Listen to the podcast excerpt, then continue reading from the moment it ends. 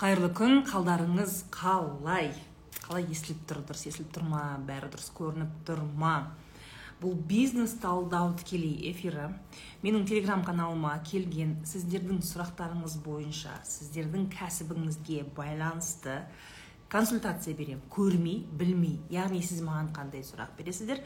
Соған ә, барынша сіздің ақпаратыңызға сүйене отырып ә, разбор жасаймын сіздің бизнесіңізді. Көбіне маркетинг және креатив одан бөлек қалай дамыту керек қалай масштабқа шығуға болады немесе қалай стратегия құруға болады осы мәселелер бойынша жауап беруге тырысамын иә сіздерге бағыт беремін. Әрине бизнесті түгелдей талдау иә мен сізді, сізді көрмегендіктен ә, сіздің кәсібіңізді көзіммен көрмегендіктен түгелдей талдау мүмкін емес. Бірақ та мен сіздің берген ақпаратыңызға сүйене отырып шамалы да болсын бағыт беруге тырысамын. Жаңадан келген ә, оқырмандар жаңадан бірінші рет менің эфиріме қатысып жатқан оқырмандар менің атым роза ашырбаева мен қаржылық және бизнес коучпын қайырлы күн. Өте көп ә, кіші орта және үлкен бизнес саласында одан бөлек мемлекеттік мекемелерде жиырма жылдан астам тәжірибем бар. Алтыншы класстан бері сауда жасаймын. Сондықтан да маркетинг пиар және дамыту бұл менің ең сүйікті салаларым. Ә, келіңіздер айтқанымдай ә, бұл жерде тікелей эфирде сұрақтарыңызға ә, сіздердің ә, бизнес бойынша сұрақтарыңызға мен жауап бермеймін. Одан бөлек бизнес талдау эфирлерін қарасаңыздар возможно мен уже сіздің сұрағыңызға жауап беріп қойдым. Возможно уже бар. Өйткені көп сұрақтар иә сіздер бір біріне ұқсайтын кәсіптерді жасайсыздар сондықтан да барып қарасаңыздар болады. Бұрынғы бизнес талдау эфирлерін көрсеңіздер болады көрсеңіздер болады. Бұл эфирлер подкаст алаңдарына шығады шығып қойды. Иә яндекс подкаст google подкаст ә, apple подкастта бизнес талдау деп іздесеңіздер алдыңғы болған эфирлердің аудио жазбалары шығады. Одан бөлек маркетинг және пиар бойынша пайдалы ақпараттарда бөлістім. Егер барлығы ә, естіліп тұрса барлығы түсінікті болатын болса онда кеттік. Бірінші сұрақ ә, жанерке жасым 23-те шымкент қаласы офлайн онлайн. Шымкентте офлайн және онлайн. Не ол? А профориентология саласы бо, саласында 2018 жылдан бері жасап жүрмін дейді. Молодец өте керек сала. Басында оқушыларды шетелге түсірумен ғана айналысатынмын. Үш жылдан бері именно профдиагностика мамандық дұрыс таңдаумен айналысып жүрмін. MBTI тест личности, мап разбор личности клиенттер пока тек сарафанный радио бойынша келіп жатыр. Инстаграм және тиктокқа видеолар салып жатырмын. Төрт ай болды.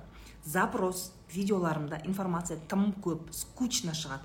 Оқушыларға да ересектерге де қызық болу үшін қандай форматта және қай тақырыпта түсіруді кеңес бересіз? Ә, егер жанерке бұл ә, мысалы ә, осындай жасөспірімдермен жұмыс істеу иә яғни мамандық кел мен саған мамандығыңды тауып берейін будущий мамандығыңды сен тауып берейін деген запрос запросқа ә, жасөспірімдердің өзі иә дейді да бірақ түсіну керек та жанерке. Жасөспірімде қалтасында ақша жоқ. Ол сенің консультацияңды төлей алмайды. Сенің ақшаң кімнің қалтасында? Жанерке осы нәрсені сұрау керек. Мысалы сен кәсіпкерсің ба? Осы жерде отырған кез келген кәсіпкер. Сұрақ қойыңдар өздеріңе иә? Менің ақшам кімнің қалтасында? Жасөспірімде қалтасына салатын майда тиын ақшасы болса да ол оны мен ойбай мен осы болашағымды ойлайтын едім осы жанерке деген эксперт бар еді мен содан өзімнің мамандығымды тапсам қалай болады деп соған ақша жинап баратын оқушылар ол кем де кем сенің основной клиентің жанерке ол ата аналар өйткені ә, ақшаны ә, солар төлейді понимаешь? Сондықтан да сен контентті балаларға емес ата анаға бағыттайсың контентті. Енді екінші вопрос. Хорошо біз түсіндік сенің ақшаң кімнің қалтасында? Сенің ақшаң ата ананың қалтасында иә? Оны түсіндік. Енді вопрос. Ә, енді ата ана сенің қызметіңді алу үшін ол нені білу керек? Не білу керек? Нақтылық керек иә? Мыжып андай мап тест бір бәле не мына жерде жазғандарың? Ә, не дейді құдай? Разбор личности MBTI оны мыжыма әңгіме оны сен клиент саған ақша төлегеннен кейін кіргізіп алып айтасың. Төлемей тұрып сен адамдардың басын қатырма. Қандай больді сен шешесің соны айту керексің. Ты какие проблемы решаешь? Сенің андай тестің бар разбор личности это нахрен никому не надо. Ата анаға не керек баласының ертең өз жолын тауып кеткені керек. Адам болғаны ақша тапқаны керек ертең маман болғаны.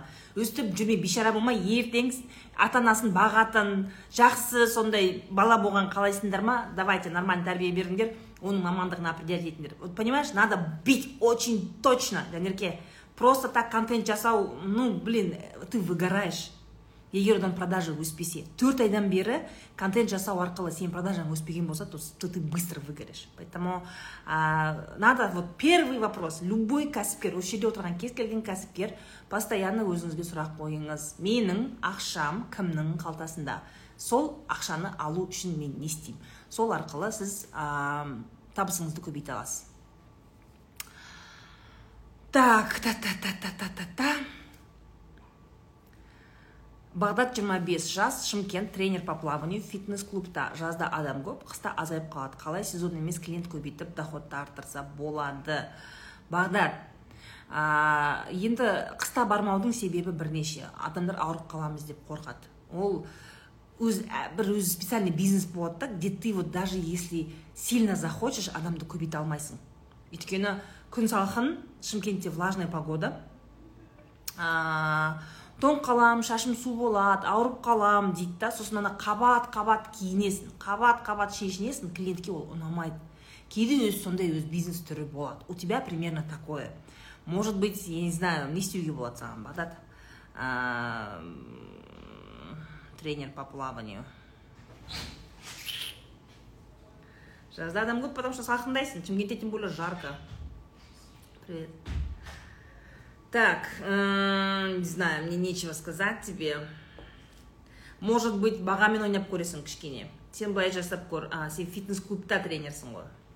Фитнес клуб өзіңдікі ма? Егер де фитнес клуб өзіңдікі болса, онда ә, не жасауға болады ә, абонементтің бағасын арзандатуға болады иә чтобы адам санын көбейту үшін занимайся зимой иә қыс бойы үш ай дайындалсаң көктемде фигураң ат болып шығады деген сияқты. Как то вот так вот. То есть людей готовьте к тому чтобы а, они заинтересованы были.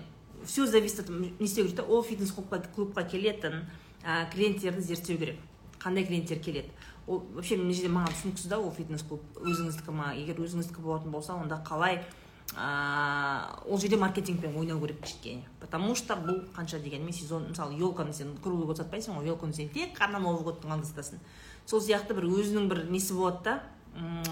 Ол жерде маркетингпен бағамен ойнауға болады кішкене. Включила? Неғып қисық тұр. Телефон салмағын көтере алмайды құдай осындай инвалид. Неженка инвалид қой мынау неженка емес. Еще қисық мынау деген. Мынандай тіреп қояйын ба? Так дальше кеттік ә, балзия 25 шымкент қаласында кондитерлікпен айналысамын. Молодец астанадан көшіп кеткен соң шымкентке клиенттерім жоқ дейді. Супермаркетте холодильниктерім тұр. Соған тәттілер пісіріп өткіземін. Тағы магазиндер қосқым келеді. Тұрақты табысым дәл қазір алты жүз мың. Инстаграммен макарон смоти чизкейк сатқым келеді. Бренд упаковка жасайтын таргетті білемін. Инстаграмды қолға алу керек болып жүр. Енді түсініп тұрсың ғой бәрін не қыл дейсің енді? Қалай инстаграмды тез дамытуға болады? Масштабқа шыққым келеді. Балзия инстаграм мен тик ток тез дамитын ә, тез бірден срочно андай бар ғой. Мен қазір срочно байып кетуім керек не істеуім керек деген сияқты. Ондай нәрсе болмайды. Бұл жерде ә, команданы үлкейту керек. Командаға адам алу керек иә? Маркетолог алу керек жақсы сммщик бір, бірінші негізі сммщиктен бастаңыз. Жақсы сммщиктен бастаңыз контент түсіру ә, жалпы білесіз ба ә, онлайнға бизнесті сіз офлайн бизнесменсіз ғой осы уақытқа дейін жасаған ә, бүкіл дүниеңіз офлайнға байланысты. Енді онлайнға шығу үшін бұл үлкен перестройка. Офлайнның ә, кәсіпкерлері онлайнға шыққан кезде түсінбейді олар қиналады олар ойлайды да не? деп. Не болып жатыр өзі мен кеше ғана не осы жұрттың бәрінде подписчик бар менде жоқ деген сияқты ә, сөйтіп ә, разочарование болады. Вы должны понимать офлайн бизнесмендер сендер онлайнға келген кезде нәтиже бірден болмаса ничего страшного. Өйткені өзіңнің кәсібіңді онлайнға шығару бұл как будто екінші бизнес ашумен бірдей. Сендер ойламаңдар мен и так міне оффлайн жасап жүрмін ғой міне. Оффлайн сәт маған осы уақытқа дейін маған тик ток инстаграм керек болған жоқ. Мен оффлайнда нормальный тұрақталған бизнесменмін дейсің да не ол онлайн? Осы жұмысымды көрсетемін көшіре саламын деген сияқты. Это не так. Онлайн бизнес иә онлайн арқылы клиент тарту онлайн арқылы атыңды шығару бұл үлкен процесс. Бұл процесске дайындықпен келген жөн. Негізі в идеале балзия. В идеале қалай болған дұрыс. Ә, маркетингтен сабақтар алу керексіз. Сосын бір ә, сондай сммге қатысты мастер класс сондайға өзіңіз барыңыз иә. Яғни сіз өзіңіз ондай нәрсені дым түсінбейсіз да бірақ мықты сммщик алсаңыз сіздер екеуіңіз сөйлесе алмайсыздар. Өзіңіз осындай сммщиктердің несіне өзіңіз баруыңыз керек. Одан бөлек одан бөлек онлайнға қатысты рилстарға қатысты сммдарға қатысты жалпы жалпы сіздің онлайндағы кәсіпкерлердің сізге көмектесетін кәсіпкер ә, специалистердің не істейтінін білгеніңіз жөн. Мысалы сіз өмір бойы кондитерский істеп жүрсіз да там астанада жасап аласыз шымкентте жасап жатсыз осы уақытқа дейін тик ток пен инстаграмның керектігі сізге байқалған жоқ. Енді ой керек болып қалды маған масштабқа шығу керек. Өте дұрыс онлайн арқылы масштабқа шығуға болады үлкен стратегиялық жоспарлар құруға болады. Бірақ осы онлайнда сізге көмектесетін мамандар на самом деле не істеп жатыр деген сұраққа сіз жауап бере алуыңыз керек. Ерінбейсіз. Қатысасыз сондай мастер класстарға қатысасыз іздеңіз өз қалаңызда шымкентте өте көп специалисттер жинап офлайн жасайды. Сіздерге офлайн бизнесмендер онлайнға уақыттарыңыз жоқ. Жаңағы смм курсын сатып алып оқымайсыңдар ол по любому оқымайсың лучше сондай офлайн мастер класстарға бару керек. Орыс тілді қазақ тілді барып жалпы ә, смм қалай жасалады таргет қалай жасалады креативный контент қалай түсіріледі ә, жаңағы как вот этот называется? Предметная фотосъемка да мысалы фуд фуд как фуд съемка предметная фотосъемка. Деген нәрсенің бәріне сіздің жалпы хабарыңыз болу керек. Неге? Өйткені қазір сіз даже ақша шығарып команда жинасаңыз да сіз өзіңізге келген маманның насколько сізге көмектесе алатынын сіз түсінбейсіз де білмейсіз де. В итоге ақшаға шығын боласыз да сосын онлайн деген бәле екен мына сммщиктердің бәрі аферист екен бір бәле екен деген әңгіме шығады. Иә? Нужно понимать онлайн бизнес бұл сіздің жаңа бизнесіңіз. Иә? Тура сол кондитерскийді тура сол жаңағы мотиді макаронды жасап онлайнға шығарып онлайн арқылы сату бұл отдельный бизнес дорогие мои. Не бывает такого что мен и так жасап жүрмін ғой оны инстаграмға шығара салғаннан несі қиын это другое направление вы должны это понимать сондықтан да оған үлкен дайындық керек балзия. Үлкен дайындық керек. Кез келген кәсіпкерлер осы уақытқа дейін офлайнда жыртып күшті профессиональный болғандар сізге сіздерге оқу керек ә, кішкене хабардар білу хабарыңыз болу керек. Ә, әйтпесе онлайнға шыға алмай қиналып сонымен қайтадан жауап құрсыншы бұрынғы сатқаным бола береді деп қайтып келесіз иә? Қайтып келген қыз жаман демекші лучше если онлайнға баратсың ба дайындықпен бар да қайтып келме екі жақты да бірдей ұстауға болады. Дальше. Әсел 23-те ақтау қаласы. Порошок для похудения онлайн через инстаграм. 260 мың халық саны. Порошокты көбісі соңына дейін ішпейді. Нәтиже до и после кейстер көрсетпейді ешкім. Инстаграм арқылы қалай сатсам болады? Әсел дорогая моя а кім айтты саған до и послеға просто так саған контент береді деп? Бермейді бермейді. Неге? Өйткені людям стыдно признаваться что у них есть лишний вес. Типа вот я э, осыған дейін сиырдай болдым енді пожалуйста аққудай болдым деген нәрсені саған онша ешкім бермейді. Ол үшін сен отзывты өз клиенттеріңнен сатып аласың. Не болды? Отзывты сен өз клиенттеріңнен сатып аласың. Ә, қалай жасалынады ол? Жаңағы бірінші мәселе осы отзывты алу үшін может быть скидку предложишь на следующую упаковку? Немесе подружкаңды алып келсең деген сияқты осындай нәрсе да короче кішкене бонусный система ойластыру керек біріншіден екіншіден ә, до конца ішпейді сондықтан да до конца ішпейтін болса онда өзің бір марафон жаса сөйт өзің до конца ішетіндей не жаса. Так қыздар близкий друзьяма бірдеңе аш. Иә близкий друзьяма. Сосын не ма ол порошогың денсаулыққа зиян емес па? Ертең ана не ішуге болмайтын противопоказаниясы бар? Бірдеңесі бар біреу жаңағы скорый шақырып ауырып ертең соттасып бір бәле болуы мүмкін. Поэтому қыздар жалпы иә мына жерге әселге қарсы не емес но имейте в виду денсаулықпен ойнауға болмайды. Но если вы это продаете пожалуйста продавайте нормально. Алып келгеннен кейін жақсы пайдалы зат сатуға тырысыңыздар. Ә, жаңағы близкие друзьядан марафон сияқты бірдеңе жасауға болады. Это дополнительный доход. Плюс клиенты дойдут до конца. Иә обратка беріп отырады осындай осындай возможностьтар жасау керек деп ойлаймын дальше так. Айхербті ауылда. Мынау бірдеңе дейді саған тайм лимит тик токта почему? Тиктокты күніге бір сағат рұқсат қоямын неге что бір сағаттан кейін осылай минутқа түсіп қалады а сенікі ма Иә. А, так айхерб бойынша бұл жерде балауса қазалы ауданынан айхерб сататын витамин сатумен айналысам табысты көбейту личный бренд арқылы ауылда кішкентай қалаларда иә отыз қырық мың. Бұл енді аудан орталық болып тұр ғой да қазалы деген. Отыз қырық мың халқы болатын болса ол жерде личный брендпен сатқан дұрыс иә?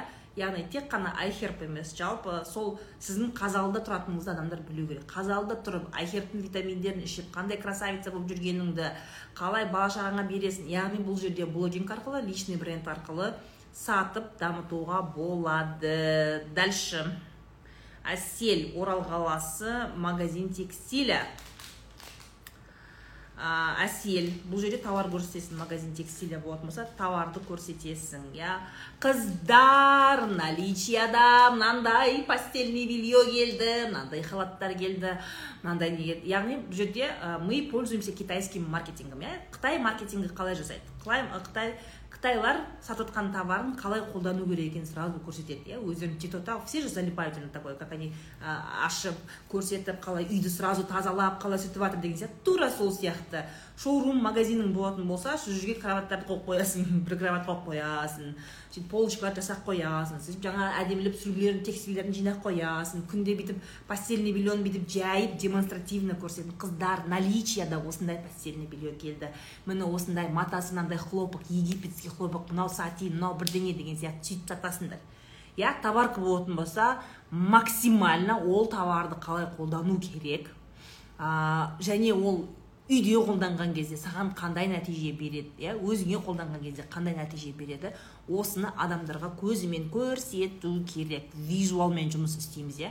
Общайтесь со своими а, клиентами. Мен өзім ә, бір текстильный ә, цехтың страницасын қараймын да. Там у них немного бір үш мың ба подписчигі бар. Алматыда осы жерде қолдан тігеді постельный бельені индивидуальный заказ бойынша.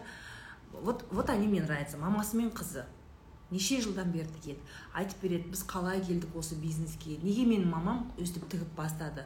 Өйткені оның ә, мамасының әжесі кезінде ашаршылық кезінде қолынан тігіс келгендіктен әр жерден мата тауып мата тауып ә, жаңағыдай шалбар тігеді екен шалбар киім. Бір түнде үш төрт киім тігеді екен әжесі жаңағы текстильный я слушаю только потому что вот из одного еще қарап отырмын да очень приятные люди и айтады жаңағы ашаршылық кезінде бір түнде үш төрт шалбар тігіп ертесі күні соны өткізіп тамақ алып келіп балаларына береді екен.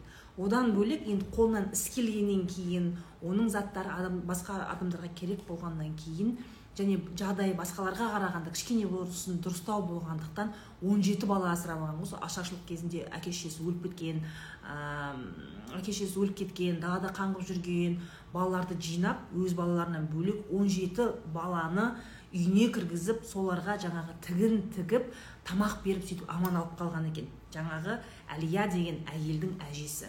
Вот она теперь сол әжесінің осындай ам, батырлығы осындай батылдығы осындай нәрсе. Енді әжесінің сол қолынан келетін нәрсесі осы жаңағы әлия ханымға өтіп тұр ғой сол таланты сол туралы көп айтып береді ә, және өздері жаңа заводтарға барады матаны алып келеді қалай тігетін процесін көрсетеді рассказывает. Очень классный. Прям енді мысалы постельный белье сен күнде ала бермейсің ғой иә бір жарты жылда бір жылда бір жаңартасың. Но все равно олай болмаса да мен қарап отырамын. Қарап отырамын мен тыңдап отырамын мне они нравятся. Конечно маған енді любой уақытта текстиль өзіме керек болса да подаркаға керек болса да мен сол жаққа барамын. Потому что я знаю качество я знаю их идею я знаю миссию. Мне нравится. Сол сияқты әрқайсыңыз осындай өзіңіздің ә, хикаяңызды ә, өзіңіздің ә, жолыңыз. жолыңызды өзіңіздің осындай вот это как легенда бренда деген бар ғой да? Неліктен сіз осыны жасай бастадыңыз. Сол туралы айтып жалпы аудиториямен өте жылы қарым қатынаста болсаңыздар аудитория сізден кетпейді. Қарап отырады. Сондықтан да осынымен пользуйтесь так так так.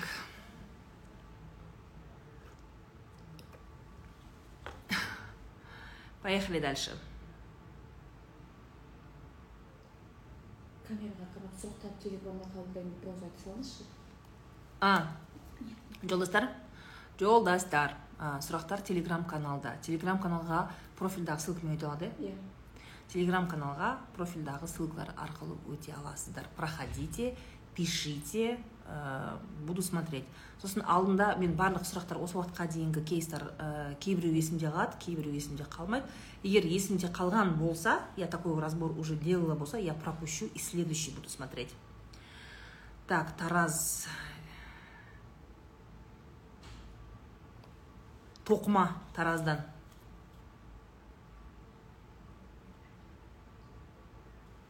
Бүкіл туысқандарға тоқып шығыпты осы мә сөзі көп. Осы тоқым арқылы табыс тапқым келді молодец бірақ қалай неден бастасам болады? Инстаграмда мүлде салмағам ә, жанар саған бүйту керек. Ә, саған былай жасау керек. Енді бүкіл туысқандарға тоқып біттің ғой жаңағы. Жилет жемпір шапка қалпақ нәски бәрін тоқып болдың ғой. Жүн нәски бәрін тоқып болдың иә? Енді инстаграмға шығу үшін саған да жаңағы балзияға айтқандағыдай совет. Смм бойынша курс емес мастер класстарға бар оффлайндарға бар. Өйткені уақыт жоқ сенде. Сен бала қарайсың ба декреттемін деп жазып қойыпты маған декреттемін деп неғып жазасыңдар? Мейлі енді жазып қойыпсың. Декреттесің ә, еще тоқисың сенің дым уақытың жоқ. Дым уақытың жоқ. Поэтому ә, осы нәрсені түсін вообще контент қалай жасау керек түсіну үшін тикток бойынша және инстаграм бойынша мастер класстарға барамыз. Біріншіден. Екіншіден тоқитыныңды тиктокқа саласың. Тоқу процесі тоқыған кезде вот это все оны көрсетіп сосын бүйтесің а мен саған күшті идея айтайын ба? Бүйтесің. Тиктокта аудитория жинады сөйтіп прямой эфирға шық. Сөйтіп қасыңа яндекс алисаны қойып қоясың да алиса расслабляющая музыка деп қойып қоясың. Сөйтіп қойып қоясың да өзің отырасың да расслабляющий музыка. И ана тоқылып отырасың эфирде. Вообще не надо сөйлеудің де қажеті жоқ просто тоқып отырасың. Бүкіл әлем сені көреді. Адамдар сөйтіп популярность жинауға болады. Сосын тоқығандарыңды страницаға шығара бересің. Мынанша теңгеден сатамын обучение бірдеңе бірдеңе деп несе но тиктокта через прямой эфир қасыңа расслабляющий музыка қойып қоясың алиса там спокойная музыка расслабляющая музыка десең тоқып отырасың. Тема! Вообще жыртқан контент болады отвечаю осыны жасашы. А? Алиса иглай деп қой иә жыртқан контент. Я тебе отвечаю. Мә ондай может уже жасайтын шығар я такой не видела но ты сделал капец. Ана неше түрлі асмр тыңдайтындар бар ғой масқара ты еще на подарках заработаешь. Бүкіл әлем саған подарка жібереді ана аналар бар ғой ана ана отыратындар ше ана неде отыратындар прямой эфирде асмр жасап ана ауыздарына бірдеңе салып бірдеңе қышырлатып музыка қойып қойып отыратындар бар ғой вот они же ә, соларда он мың он бес мың адам отырады ғой прямой эфирде мен ойлайтын едім кім екен осындайлар это нормальные люди или кто деп мен сондай адамды көрдім ғой көрдім өз көзіммен көрдім сондай прямой эфирде отырып қырғын ақша жібереді екен я говорю этот кім расскажу осы жерде отырады он здесь сидит в мосте я в шоке я говорю зачем не үшін көресіз деген кезде он говорит у меня проблемы со сном мен соны бүйтіп наушникпен аирподспен ана макспен бар ғой сонымен тыңдап жатып ұйықтаймын дейді. И жаңағыдай соншама еңбек менің ұйқыма көмектесіп жатыр ғой деп мен тик токқа страшно ақша құртамын дейді. Прикинь? Түсіндің ба срочно алиса аласыңдар кім жаңағы атың кім еді? Тоқыма тоқитын жанар. Түсіндің ба сөйтесің жанар. Қасыңа қойып қоясың да жаңағы музыканы. Сөйтіп тоқып отырасың. На подарках заработаешь подписки придут. Будет супер. Новый контент. Не обязательно алиса. Енді өздерің білесіңдер енді мен как то алиса ма кассета қойып қоясыңдар ма пластинка қойып қоясыңдар ма это ваши проблемы. Тыныш бөлмеге ана бала шағаңды ұйықтатып аяқ мама горшок! деп келіп тұрмау керек та. Ана жерде адамдар действительно будут расслабляться. Тебе нужно создать условия для расслабления. Ей қатынай шай қойшы не отырсың тик токта деп. Ана жерде күйеуің күйеуің келіп тұрса это будет ну некрасиво ребят это будет э, э, не то вот да? Поэтому создай для себя условия. Давай через тикток продвигайся. Так.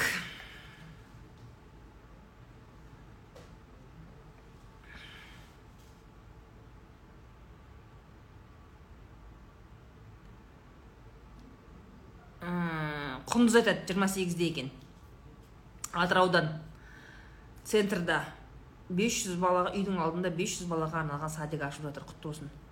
Парковка бізге қарап тұрды молодец коттедж үйде тұрамын дейді. Үйдің астында 19 квадратный метр офисный помещение бар. Жұмыс жасап тұрған онлайн детский одежда садик возраст возрастной магазин бар. Сұрақ үйдегілер оптовый продуктовый магазин болған дұрыс дейді. Мен детский одежда магазин болған дұрыс деймін. Қайсысы выгодно дейді?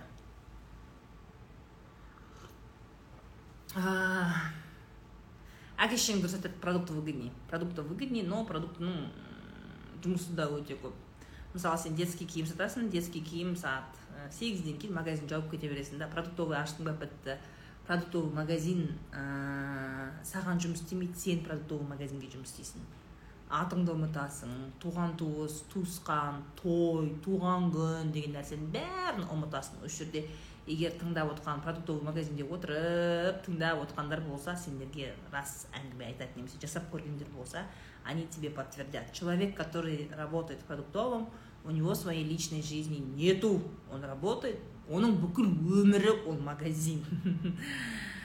Ну и конечно оборот та өседі ақшасы да көп клиент көп болады. Бес жүз адамдық садик деген сөз ол жерде егер жақсы наружкасы жақсы болатын болса ә, парковка бәрі болатын болса онда ау? Иә егер сондай нелер болатын болса бір жақсы жері садиктен бала шағасына кетіп бара жатқан кезде свежий нан выпечка үйге керек памперс бірдеңе бәрі алып кетеді. Ыңғайлы да үйге кетіп бара жатқан кезде жолдан алып кету. Осындай условиялар жасауға болады. Одан бөлек садиктің өзі келіп сүт бірдеңе алып кетеді жетпей қалған кезде ше балалардың кашасын бірдеңесін істейтін кезде. Поэтому продукты конечно выгоднее чем одежда. Даже если даже если садикке келген бала шағасын әкеліп тастап кеткен ата ана күнде сенен келіп детский одежда алмайды. Ғой бес жүз бала бар екен деп ше. Это же не такой товар. Если прям нужно чтобы высоко ә, оборотный был керек болатын болса конечно это продукты питания.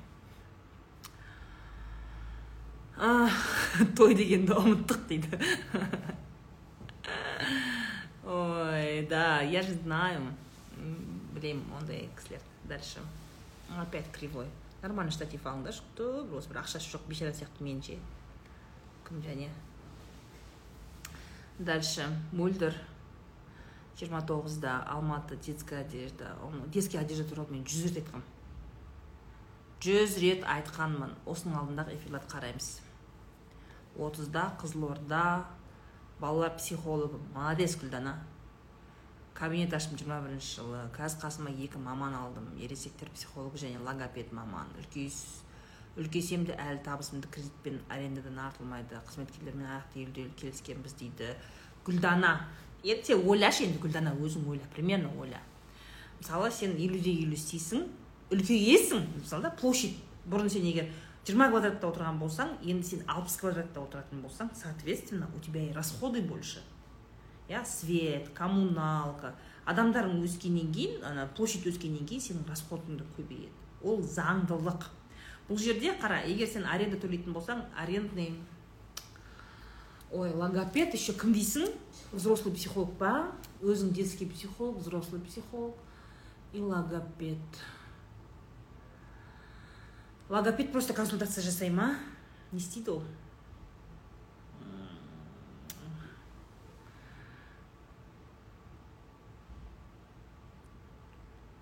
Қарашы бұл жерде гүлдана мынандай мәселе. Консультация деген нәрсе иә жеке консультация деген нәрсе ол ә, масштабировать етуге масштабқа шығуға қиын кәсіп. Сен егер ә, неге мысалы да инфобизнеске шығып кетті көп психологтар? Өйткені масштабтауға оңай да сен курс сатасың ну и деньги побольше. Ал сенде жеке консультация болғандықтан есть определенный бір өзің сен возможностьң бар да міне мынанша адамнан көп күніне сен қабылдай алмайсың. Бұл жерде сен жазып алыпсың да гүлдана сенің записің полный ма? Запись у тебя полный или нет? Бывает такое что осындай психолог жаңағы логопедтер кабинет ашады да бірақ запись жоқ. Иә келеді күніне бір екі ақ клиент болуы мүмкін или екі күнде бір ақ клиент болуы мүмкін. Конечно ондай кезде саған клиент көбейтудің жолын іздеу керек. Бұл жерде менде түсініксіз болып тұр да гүлдана егер сен бүкіл мысалы үшін сен күніне сегіз сағат ә, қабыл сегіз сағат жұмыс істейтін болсаң сегіз сағатың полный болып тұр да сенде де логопедіңдікі де анау психологтікі де бәрінде де сегіз сағатың полный да. Уже все вы на износ работаете но табыс все равно өспейді дейтін болса это другой вопрос. Но мне непонятно сенің окошкаларың тола ма или что? Если окошкалар толмайтын болса онда надо будет этот маркетинг усилять надо. Маркетинг. А если окошкалардың тола болатын болса онда специалист көбейтесің инстадан шығып тик токқа кіргендер біргеміз дейді так мақпал түркістаннан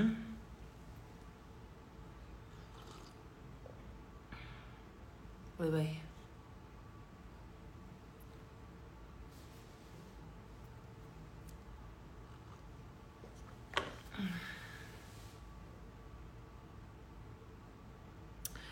мақпал 24-те түркістан қаласы. Үш жүз мың екен түркістанда. Кәсібім мужской парикмахер бірақ барбершоп емес орташа салон. Тек мужской салон. 13 адам бір қыз және 12 ер адам. Опыт 4 жыл. Молодец. Шаш алу взрослый 2000 теңге. Детский мың жарым. Қалай клиент көбейтуге болады? Қалай табыс екі есе арттыруға болады? Ер мастерлер немен озық болуға болады? Ер мастерлерден немен озық болуға болады? Аренда айына елу мың теңге демалыс өзіме қалай мхм. Демалыс бір күн демалу керексің. А, кәсіпкер егер демалмаса выгорает. А, бір понедельник ма қойып өзіңе бір жақсы ассистент алсаң менеджер алсаң мына күні мен шықпаймын точно шықпаймын деп сөйтіп ол күні ол сенің ә, жұмысыңды жасай алу керек. Біріншіден. Екінші ә, салондарда кез келген салондарда дополнительный табыс мысалы да сен чекті көтере алмайсың. Чек көтере алмайсың. Өйткені регионда баға сол. Одан көбейсе келмейді халық. Особенно еркектер они жадные. Они жадные они не хотят. Қатындар оларға ақша бермейді.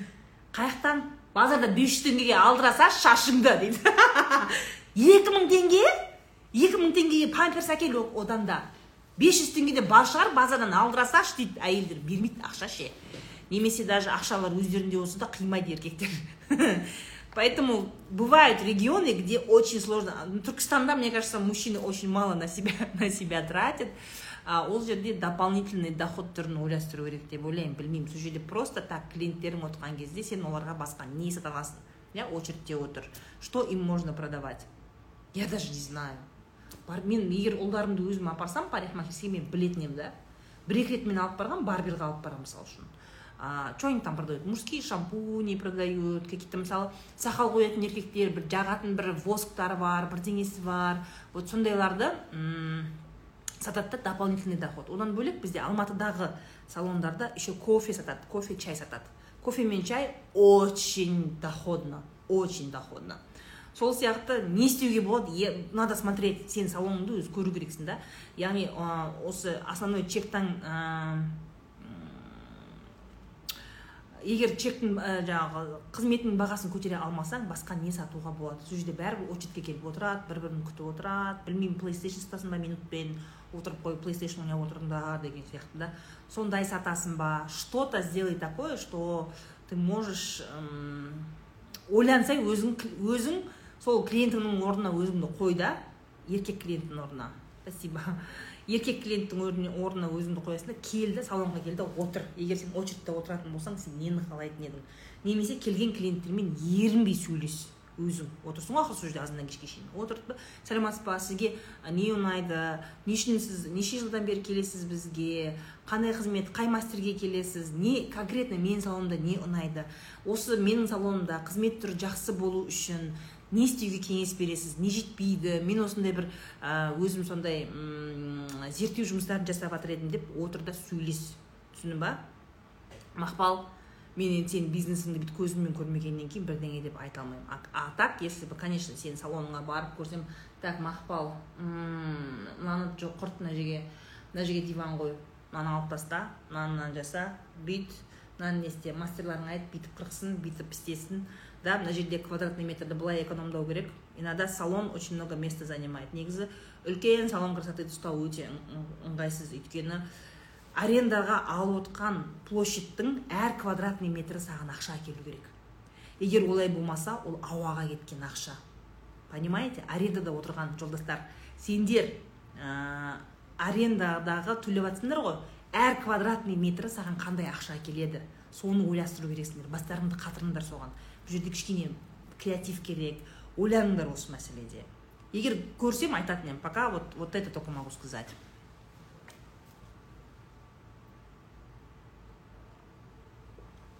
Қымбат.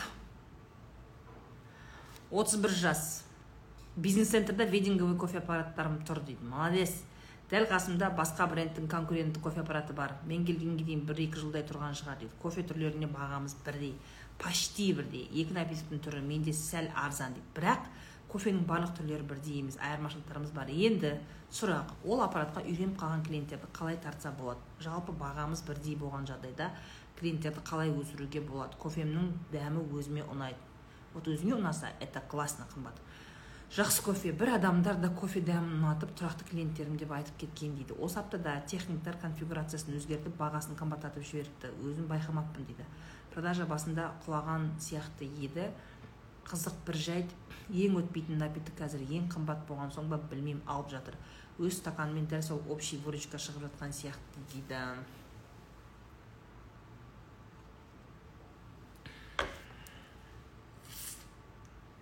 Не знаю чем можно қымбат. Мысалы егер мен ә, сондай вединговый аппараттағы кофе алатын болсам мен дизайнға мән беретін едім екеуі бірдей тұр ма? Міне екі үшеуі ма? Бірдей тұр ма? Иногда мен бағасына емес вот ты зациклилась на цене қымбат. Баға ғана да міне. Адамдар сол жүз теңге елу теңгеге қыстырылып соған неғып жатыр деп ойлайсың да обрати внимание на дизайн стакана да не знаю на дизайн самого ведингового аппарата. Как то вот чужими глазами. Бөтен көзбен келіп қарашы сендегі анау надписьтер қалай тұр. Сосын надо изучить ең стандартный өтетін латте мен капучино ғой. Латте капучино американо олар бірінші тұрады. Олар бірінші тұрады. Соны мен просто вединговый аппараттардың ішінде конфигурациясын қалай ауыстыратынын оның дизайны жайлы ештеңе білмегендіктен бірдеңе деп айта алмаймын. Бірақ та мәселе тек бағада емес қымбат. Мәселе тек қана бағада емес. Это очень важно когда ты вот я вот мимо прохожу если мимо прохожу екі аппарат тұратын болса біреуінің дизайны невзрачный онша емес болатын болса екіншісі более яркий более приятный болса мен соған барамын. Ол жерде жүз теңге екі жүз теңге деп неғылмаймын өйткені неге? Өйткені көбіне кофе ішетін адамдардың ақшасы бар. Просто иногда ақша болмай қалған кезде ол аппараттан алады да.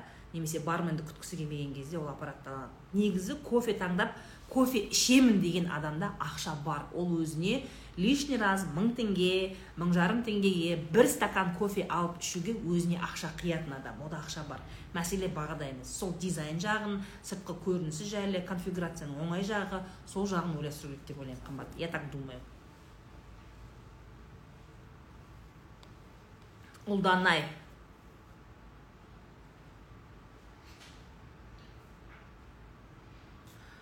өзіңнің бизнесің жоқ ұлдан айтып қатырма. Так.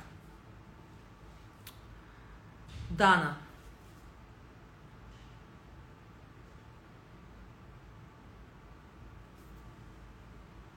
М. дананың сұрағы 22-де қайтарымсыз грант жеңіп алдым дейді. Стоматология ашу ойымда бар. Казнму да осы мамандық бойынша оқыдым. Бизнесте мүлдем опыт жоқ сұрақтарым мынадай. Клиника ашатын орында қалай таңдау керек? Және енді ашылған стоматологияны елге жұртқа таныту үшін қандай амалдар жасауға болады? Заранее спасибо дана.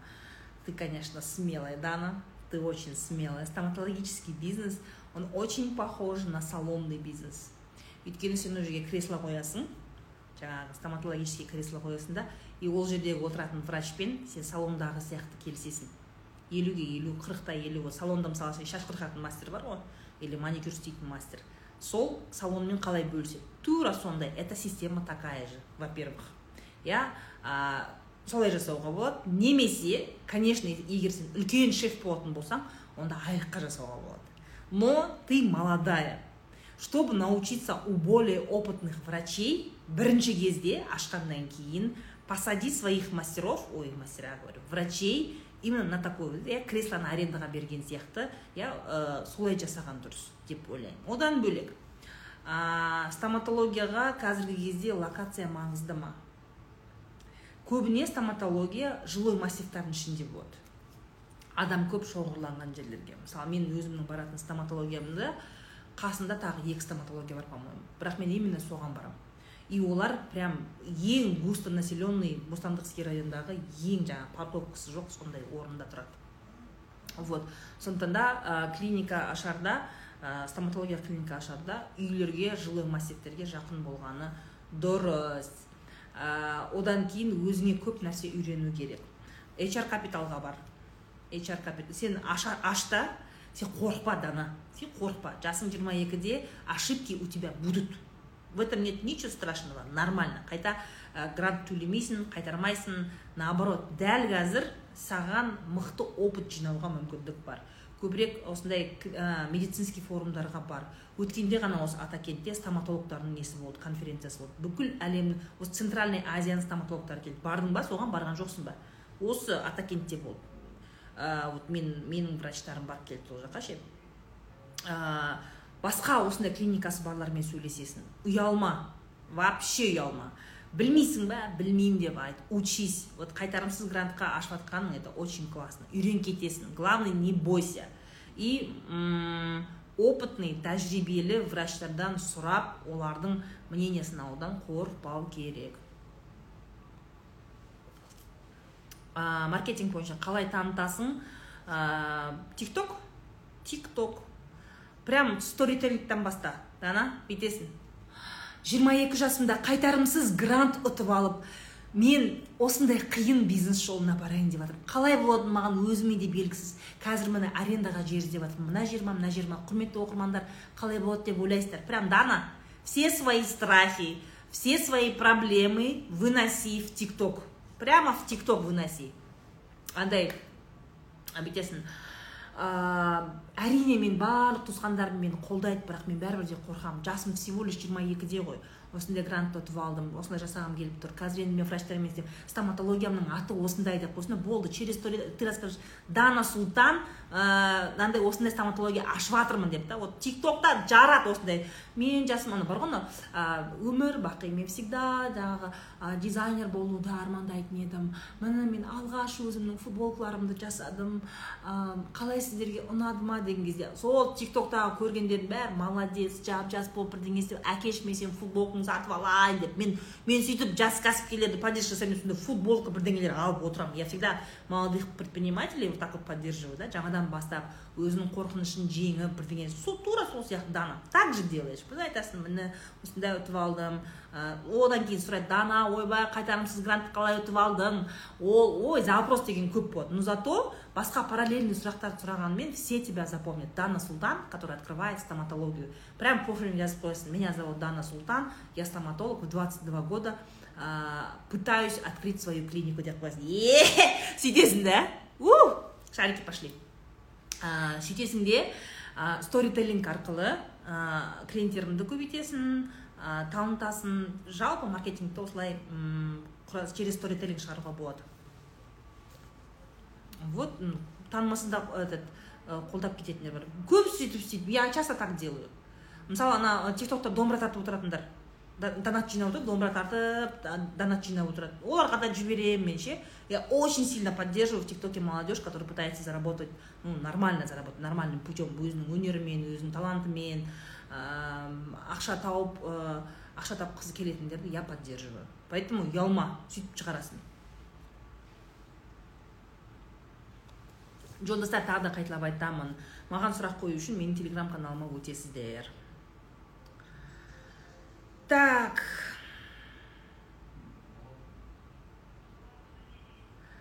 Алматы қаласынан жұлдыз 24-темін онлайн барлық қалаларда сатам көрнекілік дидактикалық материалдар сатумен айналысам.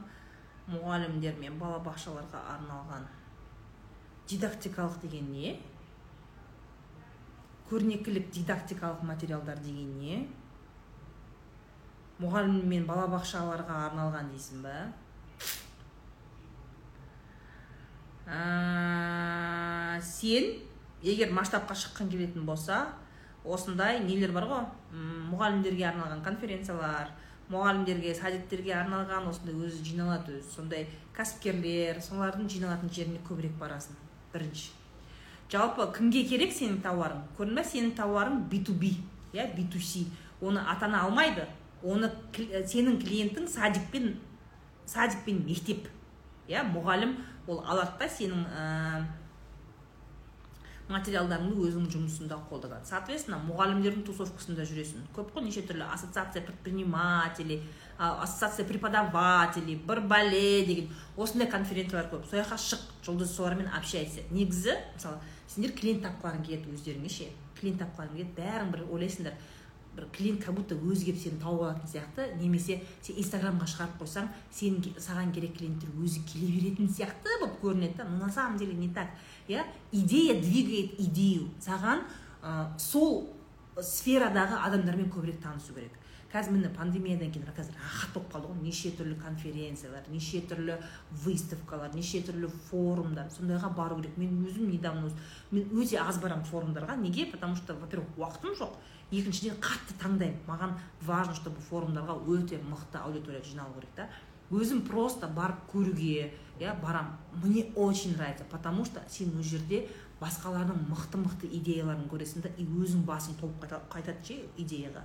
Өзің сияқты кәсіпкерлер өзің сияқты мұғалімдер жалпы сенің материалдарың кімге керек солардың ортасына бару керек солармен сөйлесу керек олардың бойын түсіну керек. Иә сол мұғаліммен немесе балабақша қызметкерінің бойы қандай? Не проблема ода? Сол проблеманы сен шеше аласың ба өзіңнің материалдарың арқылы?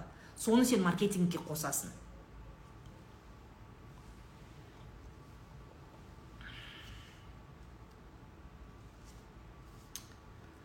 Дамира жиырма тоғыз жаста сарыағаштанмын дейді екі жүз жиырма мың халық бар. Многоразовый тканевый женский эко прокладки тігіп инстаграмда сатам. Қазақстанның барлық қалаларына сұраныс бар. Оларға почтамен саламын құтты болсын.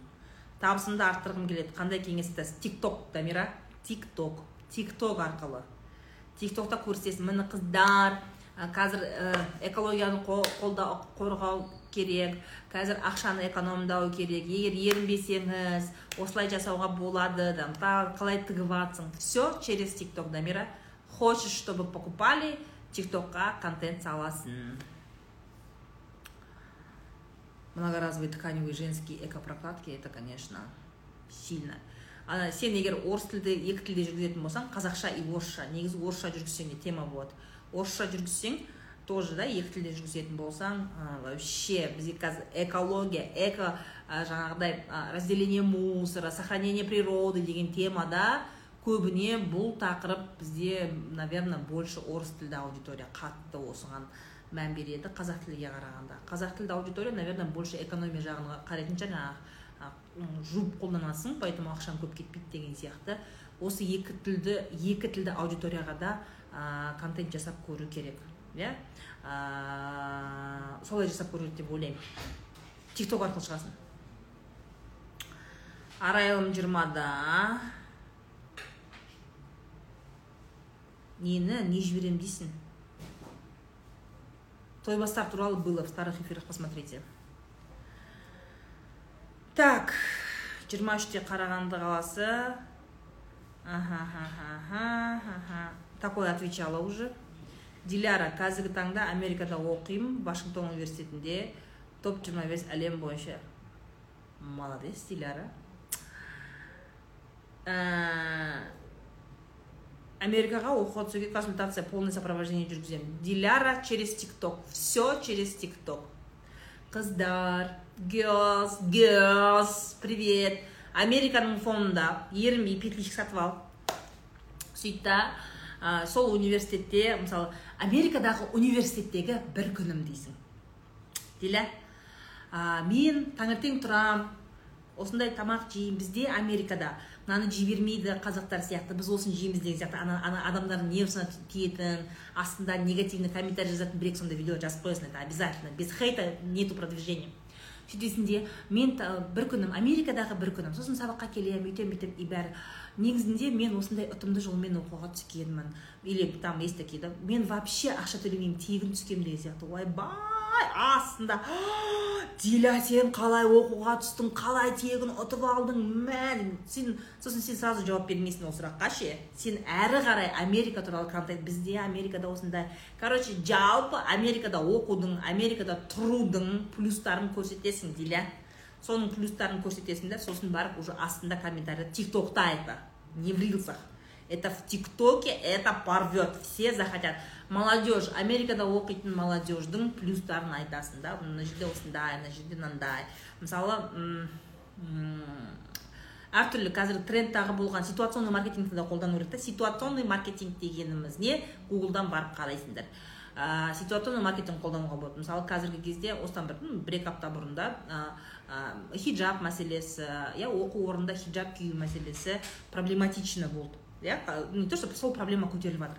Соны сен мысалы үшін мен америкада оқимын бұл жақта хиджабтағы қыздар ол мынандай мынандай деген сияқты. Осындай контенттермен ше яғни қазақстанда қазір трендте болып жатқан ә, топта тұрған тақырыптарды көтеру арқылы америкамен салыстыру арқылы контент жасайсың да и просто в тиктоке ежедневно делаешь контент. Сол жақтан келеді саған клиент ал ол жерден тиктокта жоғарыда шапочкасына инстаграмыңды жазып қоясың. Сөйтесің да продажаны тиктокта емес инстаграмда жасайсың. Айтасың егер оқуға түсудің жолдарын білгіңіз келетін болса онда менің инстаграм парақшама өтіп актуальныйда көрсеңіздер болады. Актуальныйға жазып қойсаңыздар. Егер виза болмай қалса шықпай қалса қалай түсемін бір бәле шырбәле деген нәрсенің бәрін жазып қоясың инстаграмға сөйтесің да тиктокта осындай контент бересің. Түсіндің бе? Құрсын бәрін айтып бердік қой. Асылбек.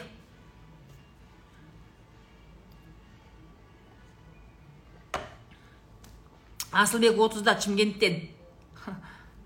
Өзін асылдың сынығы деп қойған ғой. Базар жоқ. Как он себя любит?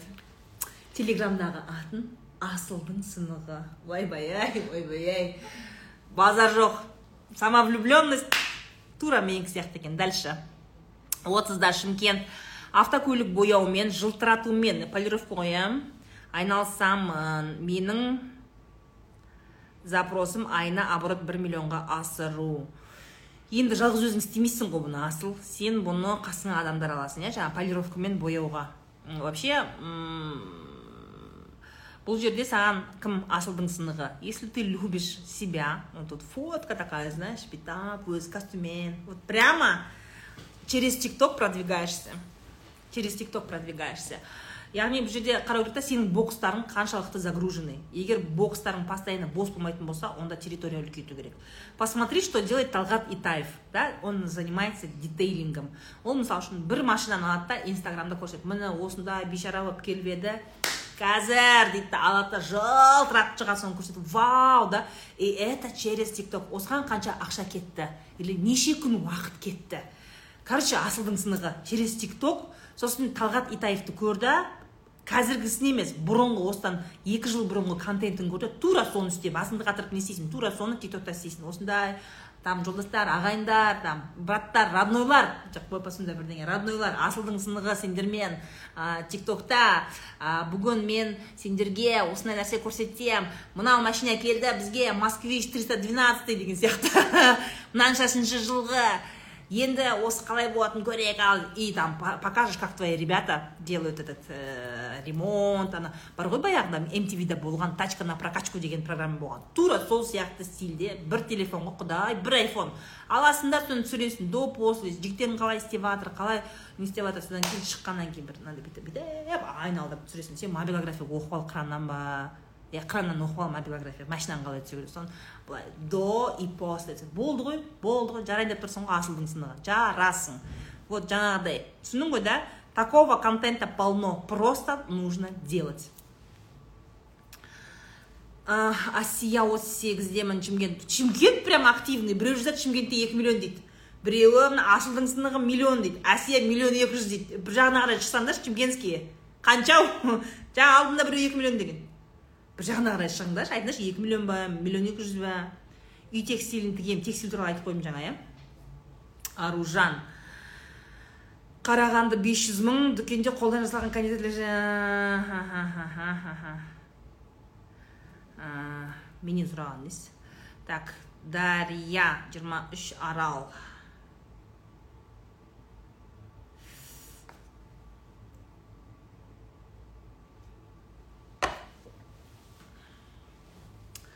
Дария арал қаласында 31 мың адам бар екен. Ну это очень мало негізінде. Автоаксессуарлар сатып жатырмын. Өзімнің зданиемді. Аренда төлемейді бір жақсысы. Сауда өте аз. Негізі я тебе скажу автоаксессуардың ішіне не кіреді жаңағы не ма? Ә, машина ішінде чехолы отыратын сиденьяға чехол. Басқа не не ең көп кететіні чехол. Че еще ана еркектер бүйтіп арқасынан жаңағы таксисттер ше анау солар арқасына бүйтіп қойып отыратын бірдеңе тағы не. Негізі білесің ба дарья тебе вот что тебе 23 сенде аренда жоқ. Аренда жоқ болғаннан кейін сенің көтеніңде өртеніп тұрған стимул жоқ та. Саған сауда өтсе де өтпесе де бәрібір. Аренда төлемейсің ғой сен. Тегін тұрсың да.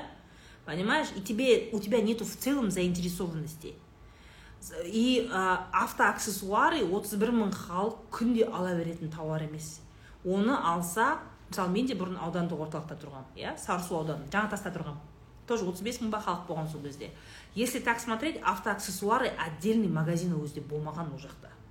Но это было давно. Сейчас я не знаю как да. Это было давно болмаған. И в основном автоаксессуарды еркектер арнайы магазинге барып алмайды. Ол аудандық орталықтарда еркектер ондай затты базардан барып алады. Саудаласып қызыл еңірдек болып төбелесіп мынаншаға брат мынаншаға бере сай бере сай деп сөйтіп ол барып олар базардан алады. Ты в целом нишу выбрала неправильную тем более аренда төлемейтін болғаннан кейін сен ұйықтап отырсың ғой шыбын қуалап сәуле өтпейді өтпейді ол с твоим подходом да бізде кәсіпкерлер егер арендасы жан, жандырып өлтіріп бара жатса ойбай өліп ананы да қосады мынаны да қосады но э, когда ты аренду не платишь когда у тебя в целом нету там подходящего трафика. Трафик жоқ ол жерге просто так мысалы да? Сол қаланың қай қала деді. Арал ма. Арал қаласының жүргізушілері машине сүйер ә, тұрғындары. Просто так жүретін жер ма сенің магазинің тұрған жер?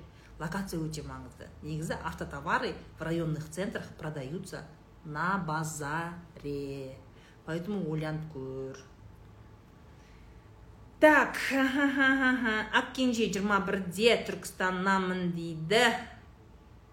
Бас киім тігу бизнесін бастап жатырмын. Құтты болсын қайырлы болсын. Сатып алушылар. Так доставканы ұнауға істегің келетін болса тик токқа қыздар андай әдемі дауыспен айтасың ғой? Жасың жиырма қаншада жиырма бірде даусың енді нәзік жас қыз. Мен сияқты деп отпайсың ғой сен. Қыздар. Менің атым ақкенже түркістан қаласынанмын мен осындай жаңа бизнес бастап жатырмын. Осындай ерекше бас киімдер тігемін деп өзіңнің басыңа кигізіп көр. Подушка әдемі подушкаңды бояндырып соның басына кигізіп көр. Осындай киіп бұл жаңа тренд. Қазіргі заманда қыздар этно этно я не знаю в каком стиле там у тебя осындай әртүрлі күнделікті киетін басқа киімдермен стилизовать етіп сөйтіп көрсетіп тик ток арқылы сатасың ақкенже так. Ақбота так так так так так. Отыз сегізде из астаны. Алматинский район астаны. Новый драм театрдың артында дейді. Аха медцентр ашып жатырмын әлі ашпаған. 100 квадратный метр. Идет ремонт. Буду консультировать пациентов процедурный кабинет сбор анализов крови олимп узи кабинет аптека болады. Жақсы че еще мен блог жүргіземін екі жарым жылдай. Молодец. Науқастарды kz бойынша қараймын. Очно онлайн. Дәрігерлерге онлайн сабақ беремін. Бопты не не қыл дейсің? Тағы қандай табыс көздерін ұсынасыз дейді. Масштабирование. Ақбота ақбота ә, тебе чтобы мысалы қазір енді ашып жатсың ғой ашып жатсың ғой. Тик токта жаңа кімге жаңағы стоматологияны ашамын деген қызға қандай совет айттым тура сондай нәрсе жасайсың. Қыздар міне жүз квадратный метр ремонт қазір осындай деге келіп қалды. Негізі мен өзім мына жерде маған айтқан нәрсенің бәрін тик токта айтып бересің. Продвигайся через тик ток біз міне біз осы жердеміз астана қаласы. Алматы ауданының тұрғындары жаңа инновациялық клиника ашып жатырмын. Өте ыңғайлы. Қасымызда міне аптека бірдеңе бар. То все через тик ток через тик ток вот так залетит без проблем. Тем более ә, география бойынша тикток не жасайды рекомендация жасайды. Ақбота отызда түркістан. Каспиге товар қойып сатамын маркетплейс қой. Пайдасы көп болмай тұр как то неудивительно знаешь. Химия пәнінен онлайн репетитормын конкуренттерім көп мектепте мұғаліммін дейді. Жұмыстарыма киім жұмыстастарыма киім тігіп сатамын сұрағым жан жақтылық кейде мүлдем үлгермей қаламын дейді. Ақбота сен ана бір бірлеріне общем кимейтін нәрсе қойып жатсың ғой. Айтылады да андай не бір біріне бір мына бұл продуктілерді қосып бір қазанға қайнатуға болмайды ананас помидор және де ә, там я не знаю что еще авокадоны қосып салат жасаңыз деген сияқты нәрсе. Сенің үш салаң вообще бір біріне келмейді. Тут ты шьешь там ты обучаешь еще мектепте мұғалімсің еще каспи немене не қандай курс бар бәрін сатып ала бергенсің ба не істегенсің құдай ау. Вообще если хотите развиваться надо чтобы еще раз говорю бізде қазақта понты көп бүйтіп айтады бізде. Жаңа ақбота отыр ғой. Подружкаларының ортасында мә ақбота сен молодецсің иә. Или там подружкалармен отырды мә қазір деген бірнеше бизнес жасау қиын емес қой неге қиын емес ақбота нет вообще қиын емес. Мен тігін де тігемін репетитормын. Вообще отағасы маған қатты көмектеседі. Әйел если сильно захочет баланы да туып бірнеше бизнесті де жасауға болады. Мен бірнеше бизнес істеп жатырмын деп. Ақбота примерно сидит вот так вот понтуется но по сути по сути денег мало а энергии ноль. Мақтаныш үшін бірнеше бизнестің басын ұстамай ақ қойыңдар. Бірнеше бизнесті ұстаудың өзі екі түрлі критериясы бірінші ол бизнестер бір біріне туысқан болу керек. Ол туысқан болмаса ты разорвешься как я не знаю тебя вот это все разорвет как тузик грелку. Это невозможно. Сенің ә, жасап жатқан бірнеше кәсібің бір біріне туысқан болу керек бір біріне жақын болу керек. Понимаешь? Мысалы сенің рестораның бар ма? Еще можешь оптово посудой заниматься. Өзіңде рестораның бар и оптовой посудамен можно заниматься деген сияқты. Сондай бір бірлеріне туысқан болу керек та. Мысалы сенде ресторан бар және қасында сен кейтеринг ашып қойдың деген сияқты да. И сен получается ресторанға да адам алып келіп жатрсың еще кейтеринг жасап басқа жаққа да жаңағыдай неше түрлі шведский стол сондай организовываешь. Сол сияқты бір біріне туысқан болсын иә. А то бір біріне үш қайнаса сорпасы қосылмайды мына жақта каспий мына жақта тігін мына жақта химия пәні. Нең қалады дымың қалмайды ғой. Осы мәселе маңызды. Яғни бірнеше кәсіпті игеру үшін сенде сол бірінші талап олар бір біріне туысқан болу керек. Екінші талап команда керек. Сен бірнеше кәсіп даже бірінші сен жаңағы туысқан нелер жасадың ғой уже содан кейін сен команда басқаруды үйрену керексің. Просто так андай на словах менде бірнеше кәсіп түрі бар. Ауылда да жүріп бес, баланың анасы. Төрт бизнестің ә, жаңағы басын ұстап тұрамын күйеуім бар анау айтқанға әдемі но денег у тебя нету. Масштаб он так не делается. Поэтому надо все делать с умом. Өзіңе қайсысы жақын қайсысы оңайырақ осы төрт бизнесіңнің қайсысына сен с удовольствием барасың соны қалдырып соны максимально развивать етесің да қалғанын бәрін құрт жап босқа нервың оятып отырады. Поэтому оның бәрін жауып тастайсың да өзіңе қайсысы ең қатты ұнайды. Вот именно ұнайды сен соны бүйтіп ана каспиде запрос келген кезде уф десең значит каспий саған ұнамайды деген сөз. Болды құрт каспийіңді жап. Иә мысалы репетиторствоға новый клиент келетін болса қуанып баратын болсаң возможно репетиторство это твое конкурент көп этот конкурент көп деп бизнесті жаба саған ұнайтын бизнесті конкурент көп деп жаба салуға болмайды. Если тебе нравится то конкурентов нету. Имейте в виду сен істеп жатқан нәрсе иә қызмет түрінде ә, сауда түрінде конкурент көп болатын болса в этом нет ничего плохого. Главное сен соны жақсылап істесең болды. Жақсылап саған ұнай ма соны істеу онда сен үшін конкурент жоқ деген сөз. Адам өзін сүйіп істейтін өзінің жасайтын ісін қатты сүйіп істесе иә жақсы көріп істейтін болса оның конкуренттері жоқ. У тебя будет толпа очереди. Главное любить свою работу. Мен мысалы үшін өзіме осындай ә, эксперт іздейтін болсам неважно стоматолог болсын репетитор болсын басқа мен ондай эксперт іздейтін болсам я буду искать самого лучшего. А как я определяю самого лучшего? Это тот кто обожает свою работу. Обожает. Мен ағылшын тіліне репетитор іздедім іздеп жүріп именно сол жұмысты сүйетін адамды таптым все я буду с ним заниматься. Неважно сколько он стоит. Поэтому конкуренция жоқ деген мәселе нету да. Вот поэтому қарау керек. Тігін немесе тігін. Тігіннен жаның тыныш па күшті ма? Онда давай тігінді істе. Иә бір біріне туысқан болмаса бірнеше кәсібім бар деп жыртылмай ақ қойыңдар. Понятно? С умом делайте.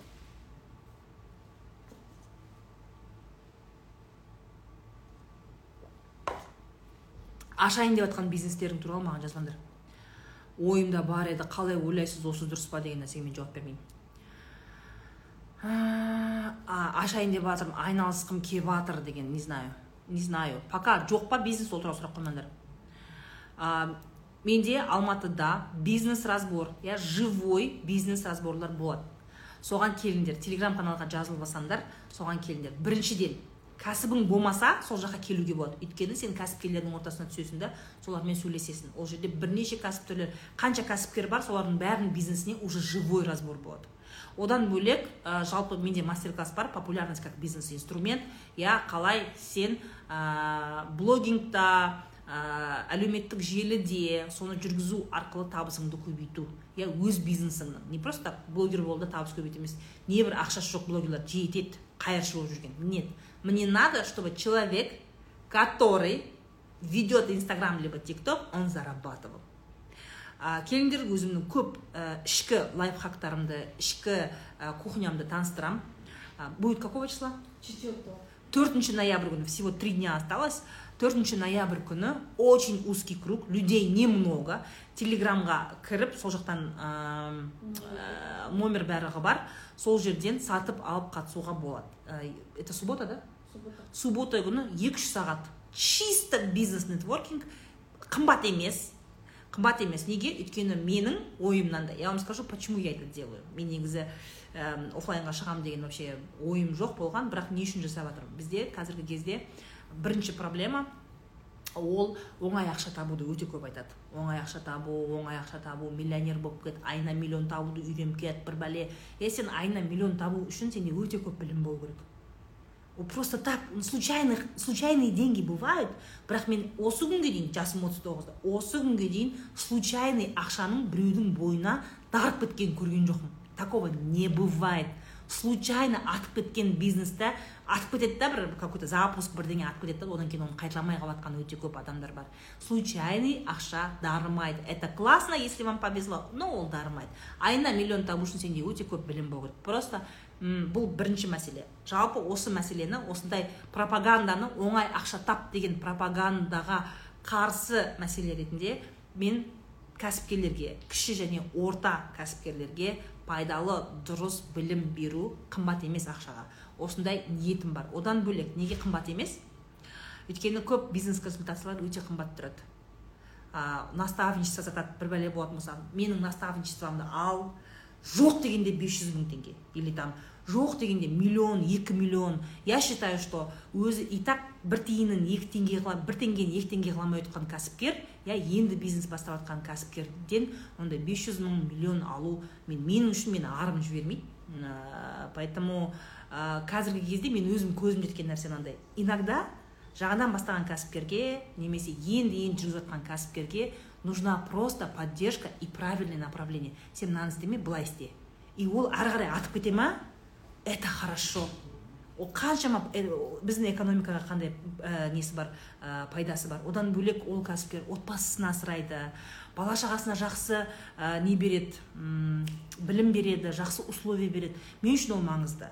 Сондықтан да орта және кіші бизнеске просто иногда нужно сен мынаны істемей ақ қой бүйте сал дегеннің өзі оның бизнесін құтқарып қалуы мүмкін. Өткенде телеграмда мен статистикада көрсеттім миллион жеті жүз бір жылда ашылады. бір жылда миллион жеті жүз бизнес ашады да. Қаншасы жабылып қалды жиырма бес очень много закрываются и я не хочу чтобы ваш бизнес закрывался. Я хочу чтобы вы очень много э, развивали малый средний бизнесті поэтому қымбат емес ақшаға. Келесіңдер екі сағат өздерің сияқты кәсіпкерлермен сөйлесесіңдер ой алмасасыңдар иә. Ой ойдан ой туындайды. Иә сен бұрын түсінбей жүрген нәрсені сол жерден келіп түсінуің мүмкін. Это чисто можно сказать менің бір ә, үлесім. Еліміздің экономикасына кәсіпкерлердің дамуына қосатын үлесім. Ә, сондықтан да келіңіздер. Ә, суббота күні иә? Осы суббота ғой получается иә. Да. Суббота. Осы суббота осы суббота күні күндіз алматыда. Алматы қаласы оффлайн жинал басқа қалалар пока жоқ но оффлайн жиналамыз. Ә, заходите телеграмда барлық ақпарат бар. Жду вас. ограниченный нужно а айтпақшы да ә, көп адам келмейді өйткені я всех разобрать не смогу. Бағасы арзан бірақ адамдар саны өте аз. Ә, надо чтобы пришли очень мало людей. Үлгеру керек та андай кішкентай в узком кругу поболтать. Поэтому приходите. Ә, так. Бір сағат болды иә? Иә. а бір сағат болыпты ғой. Біреуін ашып берейін болды. Біреуін ашып көрейін бір сұрақты ашып көрейін. Айналыссам қалай болады деген айтпаңдаршы маған ондай.